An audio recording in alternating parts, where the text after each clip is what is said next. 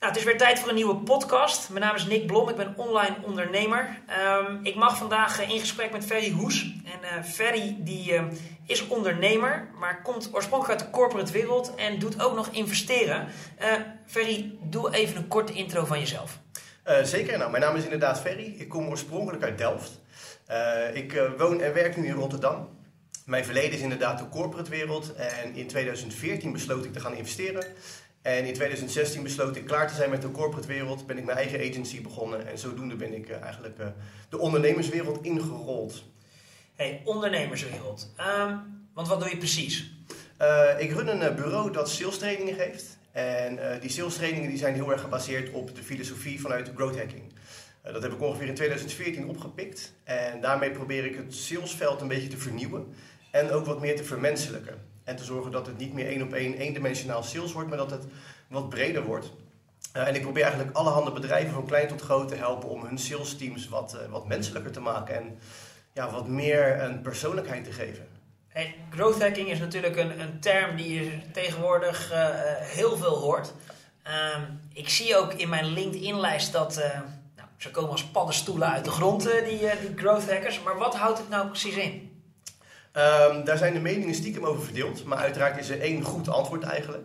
Uh, een growth hacker is iemand die uh, systematisch kan kijken naar waar um, mogelijkheden zitten binnen een systeem of binnen een proces.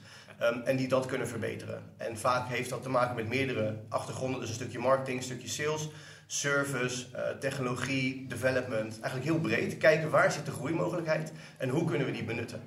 Dat is denk ik een beetje de definitie van wat een growth hacker is. Oké, dan denk ik dat er best wel wat mensen in mijn LinkedIn-lijst misschien eventjes uh, moeten kijken of die term wel bij ze, bij, bij, bij ze past. Hey, je, je, geeft trainingen. Waar begin je? Waar begin je uh, op het moment dat je iemand een training geeft? Uh, ik verdiep me altijd eerst in het bedrijf zelf. Waar staan ze voor? Wat zijn hun core values en wat zijn hun gemiddelde klanten? Waar zitten die in welk segment? Um, en daarnaast kijk ik wat is de skills die op dit moment in het team zitten. Dus hoe goed is het team? Hoe, hoe werken ze op, op dagelijkse basis? Hebben ze bijvoorbeeld call targets? Hebben ze sales targets? Um, worden die ook gehaald? En waar bestaat het team uit? Zijn het jonge mensen? Zijn er wat oudere mensen? En wat is hun achtergrond? Op het moment dat ik een beetje weet wat hun achtergrond is en hun normale werkwijze, dan kan ik gaan kijken hoe mijn werkwijze daar overheen gegoten kan worden en hoe die verdiepingsslag eruit moet zien.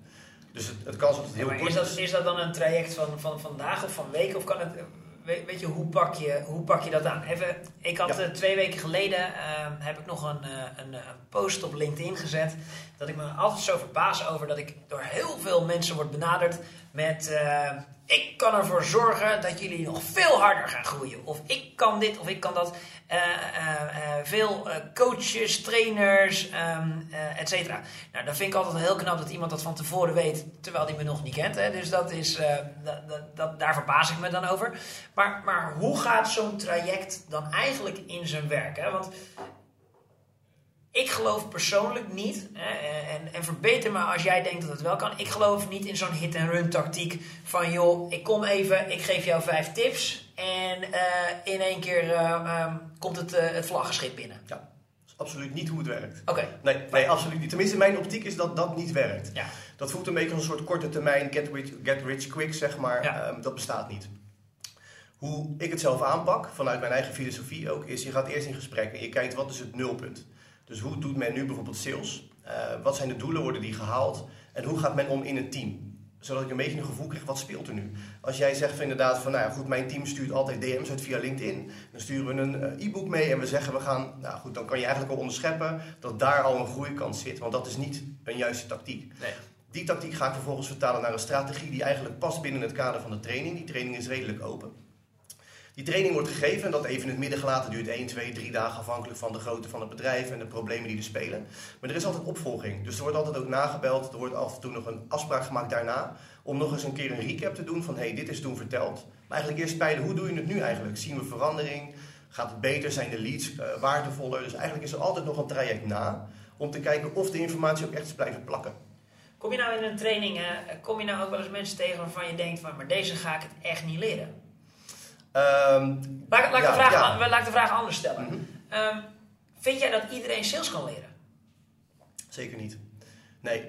Ik, ik denk dat het ergens ook wel een beetje in je moet zitten om het echt uh, te kunnen. Uh, ik denk heel sterk vanuit persoonlijk niveau, in principe wat alles wat je doet, Ehm, des te meer je een aversie ervoor hebt, des te slechter je het kan leren, des te slechter je het kan uitvoeren. Ja. Als jij persoonlijk zegt, ik heb echt een hekel aan sales, ga dan alsjeblieft niet in het salesvak.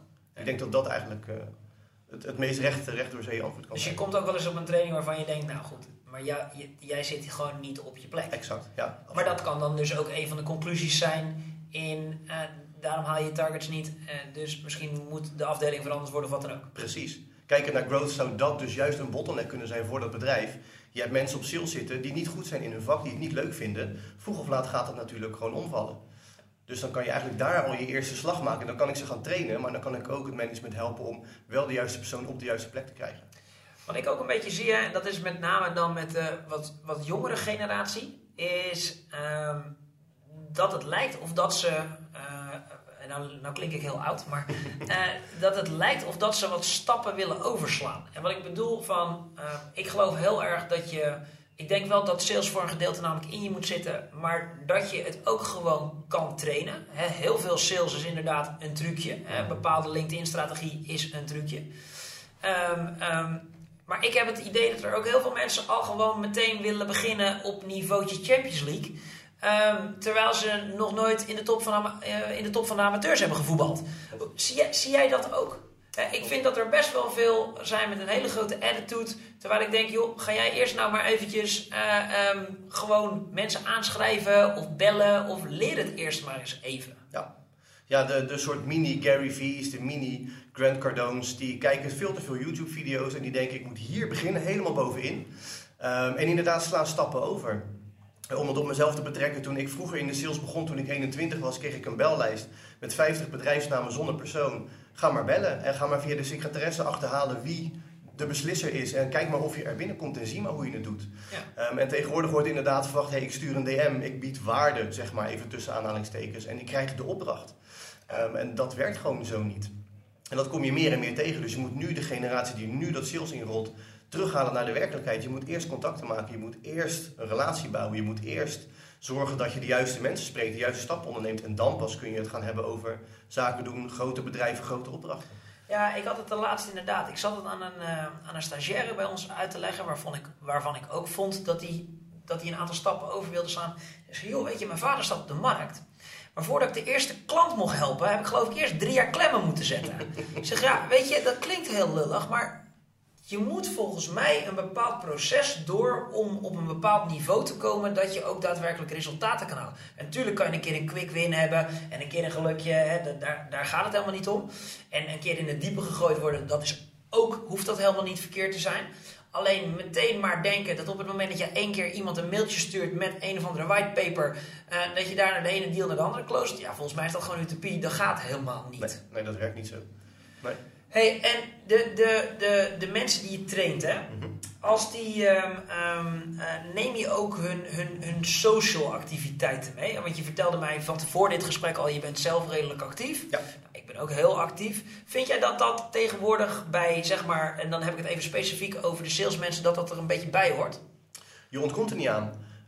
Um, sterker nog, als uh, potentieel klant kijk je eigenlijk altijd wie ben jij eigenlijk. Als je een mailtje krijgt met een, een sales gerelateerde boodschap, ga je altijd onderzoeken als het echt enigszins een klik heeft. Als het echt niks is, gooi het weg.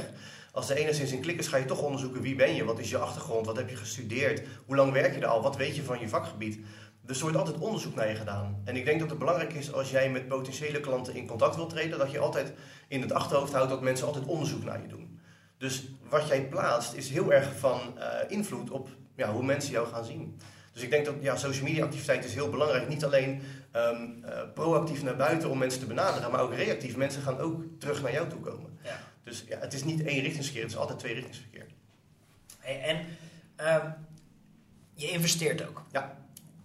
Wat ik zelf een vrij interessant uh, onderwerp vind. En uh, als je nou investeert, waar kijk je dan naar? Waar, waar begint je, uiteraard zullen er partijen zijn die je bellen met, kan je even bij me investeren? Maar waar begint jouw selectieproces? Um, altijd bij de persoonlijkheid zelf. Bij de persoon die mij het verhaal vertelt. Um, soms word ik benaderd en soms benader ik zelf. Dus het hangt een beetje van het traject af. Um, in eerste instantie, in de eerste uur wil ik ook eigenlijk geen pitch deck zien. Ik wil gewoon horen hoe iemand over zijn bedrijf praat, hoe iemand over zijn propositie praat, in de zin van hè, hoe die het vertelt. Zodat ik kan zien hoeveel passie erin zit en hoeveel kennis er zit. Ehm, en als iemand zegt, nou, ik heb een idee, ik heb gewoon geld nodig. Ja, dat is prima, dat heeft iedereen. Maar als jij heel veel passie kan leggen in het verhaal en niet per se direct de verkoop in wil gaan, dan weet ik dat jij er serieus in zit voor het bedrijf zelf en niet per se voor het geld. Ja. En hoe meer die passie erin zit, des te meer ik ga doorvragen uiteindelijk op het sales traject, uh, de prospectus voor de komende jaren, de pitch decks, de mensen die meewerken. Dus zo ga ik heel langzaam aan vanaf de persoon doorwerken naar het bedrijf in plaats van andersom eigenlijk. Hey, en als je nou, want ik heb, uh, ik denk inmiddels twee jaar terug een column geschreven.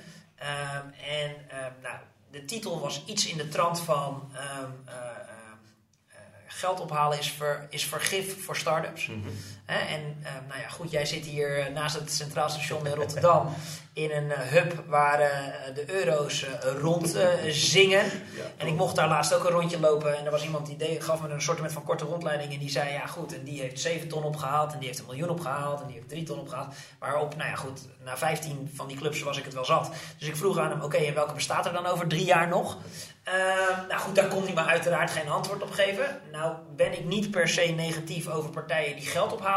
Maar denk je niet dat wij inderdaad, want jij, je hebt het net eigenlijk over de, de, de salesjongens die zich laten beïnvloeden door bijvoorbeeld een Gary Vee en daardoor stappen over willen slaan. Denk jij niet dat dat ook een beetje in de start-up scene op dit moment het, eh, het geval is? Dat er heel veel partijen zijn die eigenlijk al inderdaad beginnen met ja, we moeten poen hebben, dan gaan we ophalen, dan gaan we een kantoor huren. En, want geld uitgeven is heel simpel. Ja, ja nee, absoluut.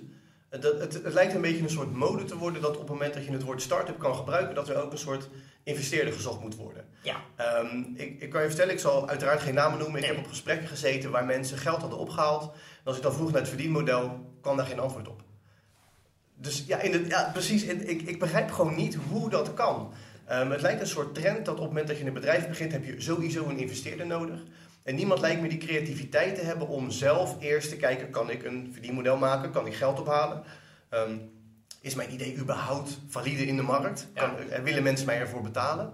Um, dus ook hier inderdaad, wat je zegt, die stappen worden overgeslagen. We hebben een idee, we gaan naar een investeerder. In plaats van we hebben een idee, we gaan testen, we gaan kijken of we geld kunnen verdienen. Misschien is het zelfs eerst een side hustle naast je werk, zodat je met je eigen geld de eerste paar stappen kan maken. Um, een paar jaar geleden, in 2014, was het vrij um, uniek als je dan geld ging ophalen. Want dan was het, oké, hoeveel geld heb je al verdiend? Heb je al klanten? Uh, hoe lang ben je al bezig? Wat is je businessmodel? Je wilde alles weten.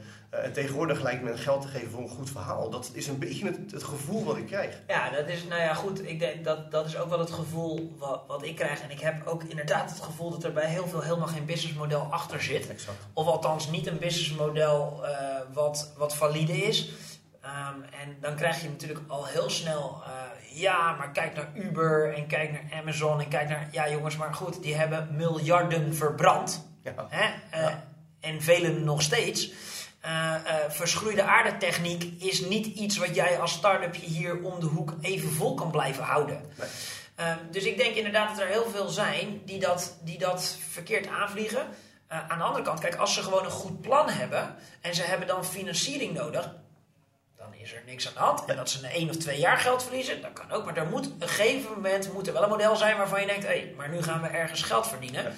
Uh, want we zijn nou helemaal niet met z'n allen leger des huils. Precies. Hey, nou, nou heb jij in, uh, in een aantal uh, partijen geïnvesteerd. Klopt. Nou weet ik ook dat je in sowieso een van die partijen een actieve rol hebt in de Raad van Advies. Dat zijn jonge ondernemers, hè? dat zijn redelijk jonge, erg bevlogen gasten. Klopt. Hoe ga je nou met die jongens om dan? Um, nou, in, in veel gevallen is het zo dat ze vaak in een stadium zijn waar zij zoveel van de business weten dat ze eigenlijk zichzelf heel goed kunnen bedruipen en die business heel goed kunnen runnen. Uh, wat er nu vaak gedaan wordt, is bij hele grote beslissingen wordt er contact opgenomen met de originele investeerders uh, om even te peilen van hoe staat men er tegenover wat ik merk, en dat zijn echte partijen die het goed doen, die hebben eigenlijk al een verhaal klaar en eigenlijk weten ze het antwoord al, omdat ze zo diep in de business zitten. Ja. Uh, zo professional zijn dat ze eigenlijk meer voorleggen, dit is ons idee. Dus meer klankborden? In principe, ja, absoluut. Ja, ja, ja. Um, en dat heeft er voornamelijk mee te maken, zij kennen de markt. En dat is dus die passie die ze hebben. Zij willen heel hard en ze hakken ook gewoon knopen door. En ze hebben dat durf, ze hebben een goed model. Um, dus in principe is het gewoon inderdaad even een klankbord, even peilen, is dat, is dat akkoord? Soms moet er ook een beslissing gemaakt worden, omdat je bijvoorbeeld in een stak zit met z'n allen, dus er moet uh, wel een soort ja of nee komen, dus een stemmingsronde. Ehm, maar vaak zit daar zo'n goed onderbouwd verhaal achter, ehm, dat we eigenlijk heel snel unaniem zijn en zeggen: Oké, ga ervoor, we vertrouwen op jullie. Uh, en we horen het bij de volgende ronde wat er allemaal gaat gebeuren. En dat geeft heel veel vertrouwen, omdat je dan eigenlijk het los kan laten. En ja, in principe val je dan terug naar eens in het kwartaal een meeting. En als er een knoop doorgehakt moet worden, word je gebeld en dan kom je bij elkaar. Dus het is allemaal vrij laagdrempelig, omdat ze het gewoon heel zelf kunnen runnen. En dat geeft echt een heel, dat geeft heel veel rust. Hey, heb je al eens een investering gedaan die uh, niet goed is uitgepakt? ja, meerdere. Ja, tuurlijk. Ja, absoluut. Ja. Uh, zowel financieel als in, uh, als in tijd. Dat je zegt van nou, ik, ik voeg me bij je bedrijf als adviseur, ik ga met je meewerken. Um, en dat je er, hoe verder je achter, hoe, hoe, meer je bezig bent, des te sneller je erachter komt dat het model niet klopt, het team niet klopt, de ondernemer de verkeerde stappen heeft gemaakt. Um, soms zie je dat heel snel en kan je het nog aanpassen en soms zie je het gewoon te laat.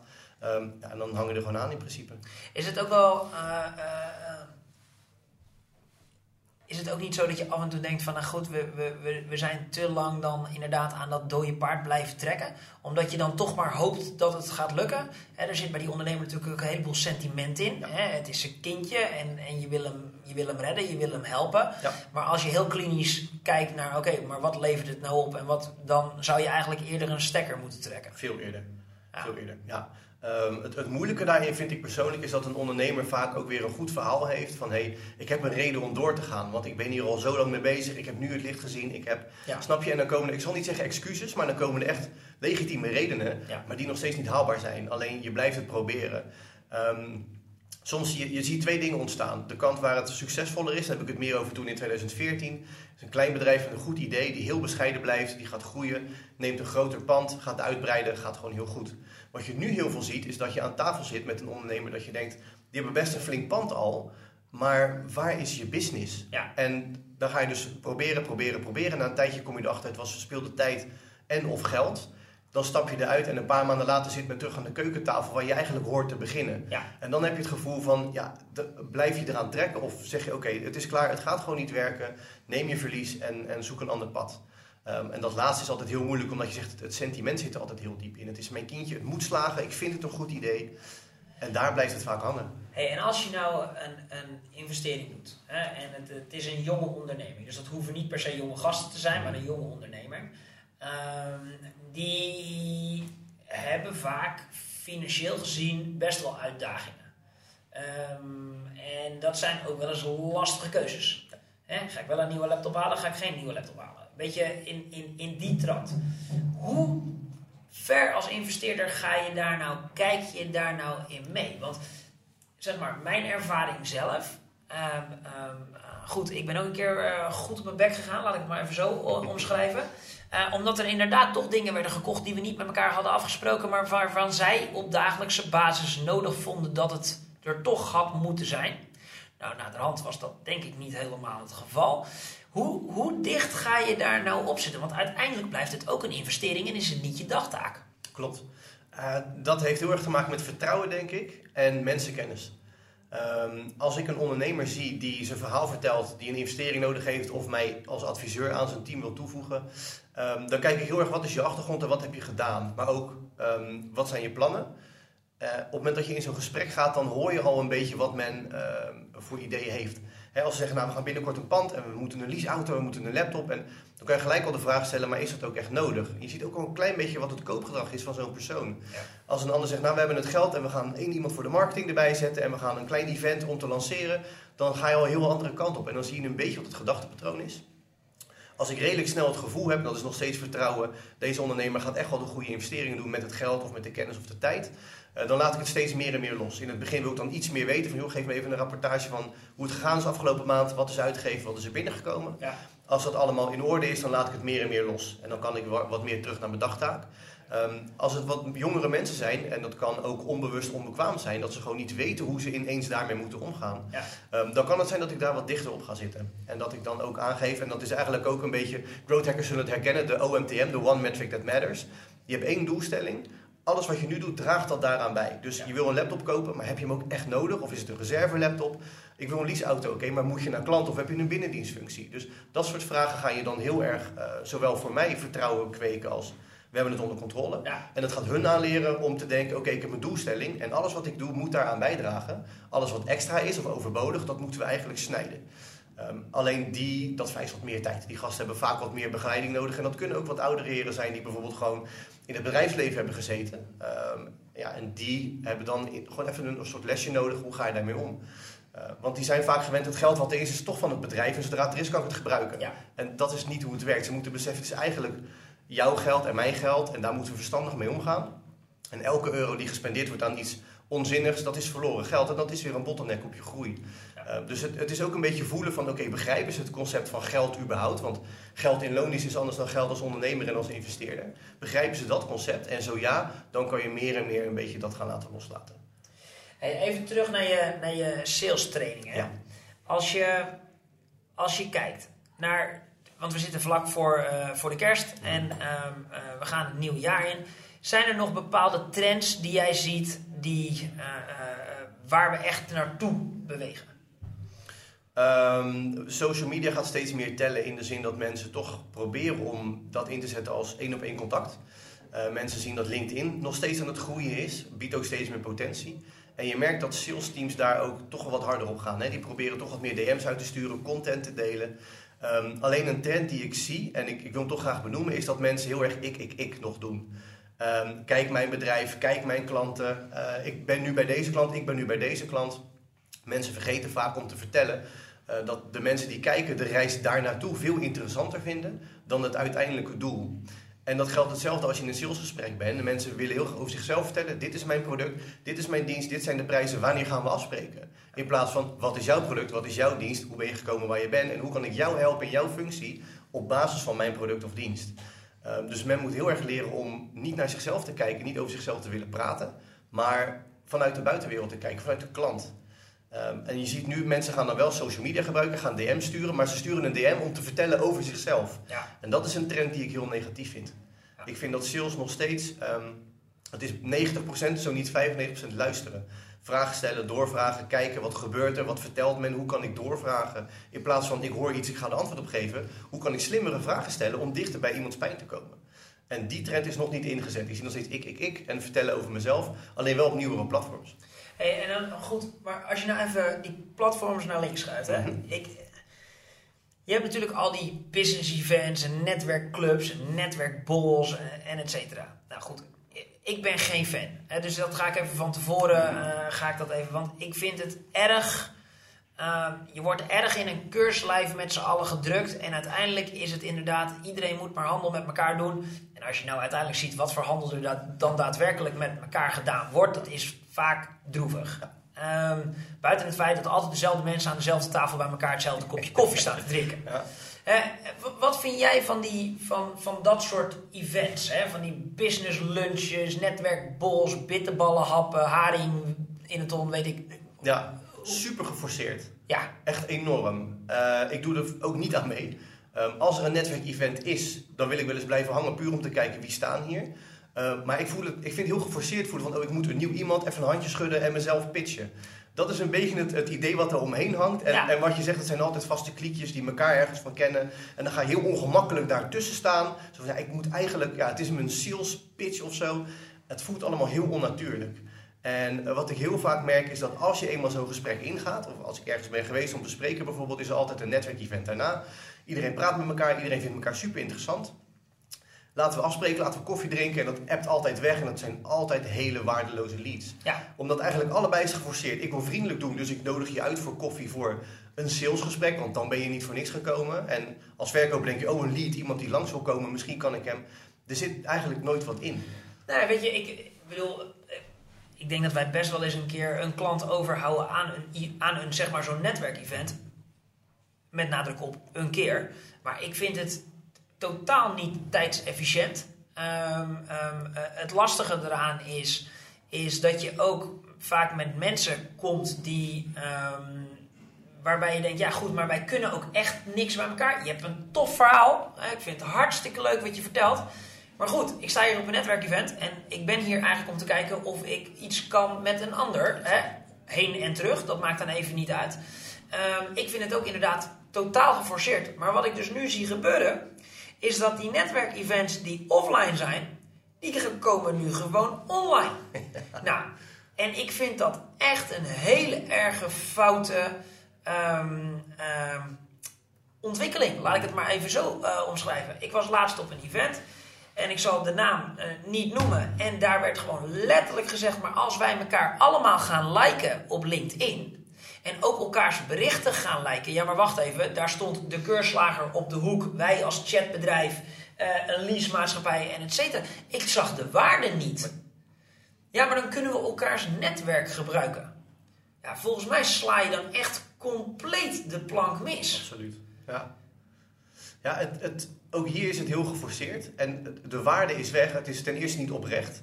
Want ik vind jou leuk als jij mij leuk vindt. Maar we gaan nooit samen business doen. Dus heeft het dan heel veel zin.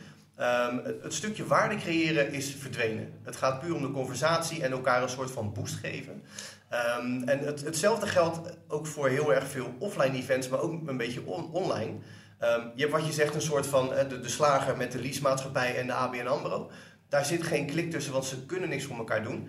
Wat je ook veel tegenkomt, is een hele conferentie vol met, nou noem het even in ons vakgebied, marketeers. Ja. Waar dan allerlei andere marketeers elkaar gaan lopen pitchen. Dan denk ik, jij bent een agency, ik ben een agency, wat gaan we elkaar dan brengen? Helemaal niks. Maar we staan hier wel met z'n allen een soort van tijd te verspillen. Dan heb ik liever dat je een oprechte connectie legt. En kijkt, hoe kan ik van waarde zijn voor een persoon?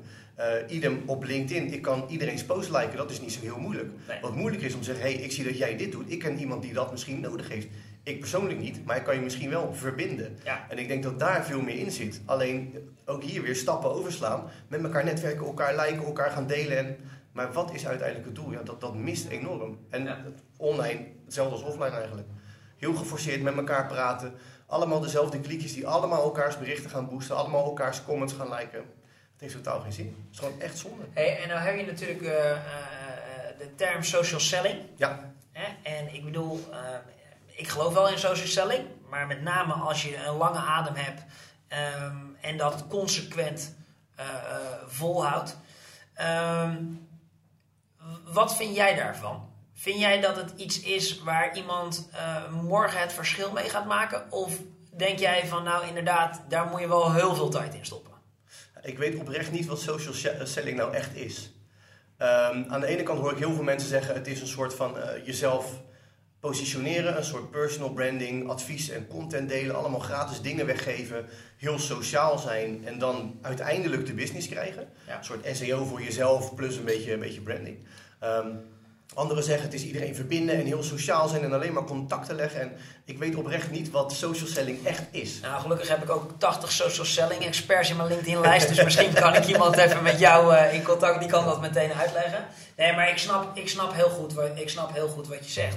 Weet je, ik denk dat er gewoon ook nog een heleboel oude manieren zijn. Hè, met en de telefoon pakken, of een berichtje sturen, of desnoods een kaartje, of whatever. Uh, om gewoon handel te doen zonder dat je uh, een compleet marketingteam nodig hebt.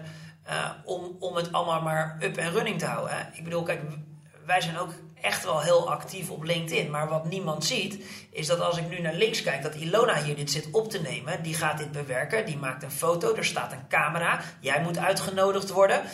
Dat is gewoon een klerenklus aan werk. Ja, daar kunnen we wel omheen draaien. Maar dat is gewoon echt iedere keer weer even opnieuw een dingetje. Um, en dat doe, je, dat doe ik niet alleen, want ik heb hier ook gewoon running business die moet draaien. Um, maar het gekke is, is dat wij met ons sales team juist op de oude wetse manieren, maar dat kan dan ook een LinkedIn DM zijn of wat dan ook, maar wel gewoon bezig zijn met acquireren, even contact leggen, even uh, uitleggen van hey, wij doen dit, oh jij doet dat, ik denk dat wij, oh we doen dat ook voor die, is voor jou misschien ook interessant. Weet je, maar toch best wel gewoon ouderwets, maar wel gewoon beuken op het aantal contacten. Want volgens mij draait het heel vaak ook gewoon om volumes. 100%, absoluut. Hoe meer mensen jij weet te bereiken en hoe meer mensen jij van waarde kan zijn met wat jij doet en wat jij aanbiedt, en hoe meer mensen jij een probleem kan wegnemen, des te waardevoller jij bent en des te beter je je business kan draaien. Uiteindelijk is sales gaat om nummers en om contact te leggen.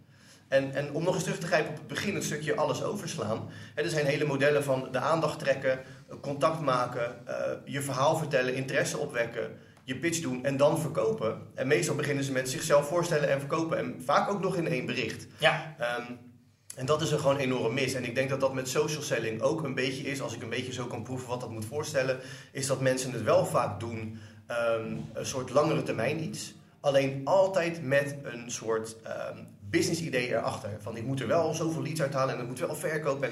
Ja. Het, het, is altijd een soort van verkeerde strategie die men daarop loslaat, denk ik. Ja, wat, wat, wat ik heb gedaan is gewoon heel simpel. Wij hebben er een budget voor geallockeerd. En dat kan dan zijn in uren en in geld. Hè? Dus of, of uh, een van de twee. En daar zet ik aan het eind van het jaar een hele grote streep door. En daar staat geen KPI tegenover. Precies. En ik weet heus wel dat er wat uitkomt. Ik kan hem niet terugrekenen naar euro's. En als je dat wel wil doen, moet je het wat mij betreft gewoon helemaal niet willen. Want dan word je er doodongelukkig van. Dan kan je beter, weet wel, Google Ads doen en dan zien van oké, ik heb er 5 euro uitgegooid, ik heb er één lied uitgehaald. Precies, precies. En wat ze ook vergeten is wat je heel terecht zegt, kijk, dit is een onderdeel uiteindelijk van business. Ja. Want je zit hier als zakenman en je wil heel graag je verhaal doen. Iedereen wil uiteindelijk gezien worden. Alleen jij runt je business daarnaast ook nog. En je zegt, ik, ik ga gewoon hard op sales. Ik moet gewoon contacten leggen, mijn verhaal doen en ik moet gewoon klanten binnenhalen. En dat stuk is wat heel veel mensen dan vergeten. Ja. Ik ga gewoon mezelf laten zien, video's maken, dan gaat iedereen gaat mij... Maar zo, zo werkt het niet. Nee. Het is altijd, het is meerdimensionaal. Ja. En ook het ouderwetse sales, en dat vind ik zelf ook heel prachtig contacten leggen, rammen, beuken, bellen, e-mailen, whatsappen. Uh, je hoeft niet te stalken, maar je moet wel die contacten gaan leggen. En je moet wel zelf in die pen klimmen om uiteindelijk die mensen te gaan bereiken. Ja. En ehm, dat gevoel krijg ik ook. En dat is hetzelfde met investeren, hetzelfde met verkopen. Mensen krijgen steeds het gevoel dat het komt aanwaaien. Als ik mezelf een beetje laat zien, ik vertel een leuk verhaal, komen mensen vanzelf op me af. Maar zo werkt het echt niet. En sommige mensen houden dat wat langer vol, sommige mensen hebben echt een oprecht goed verhaal. En die hebben ook een goed model en dat werkt gewoon. Maar dat geldt niet voor iedereen. En uiteindelijk hou je dat een maand vol, of een jaar vol, of twee jaar, maar nooit voor de lange termijn. En, en dat is wat ik heel erg mis ook overal. Van oké, wees jezelf, maar zorg wel dat je ook gewoon die nummers draait. Zorg dat je gezien wordt. Zorg dat je allerlei manieren aanboort om jezelf te verkopen, je verhaal te verkopen, je bedrijf te verkopen, je pitch deck aan te prijzen, wat dan ook. Maar gebruik meer dan alleen maar dat reactieve zitten, videootje maken en afwachten.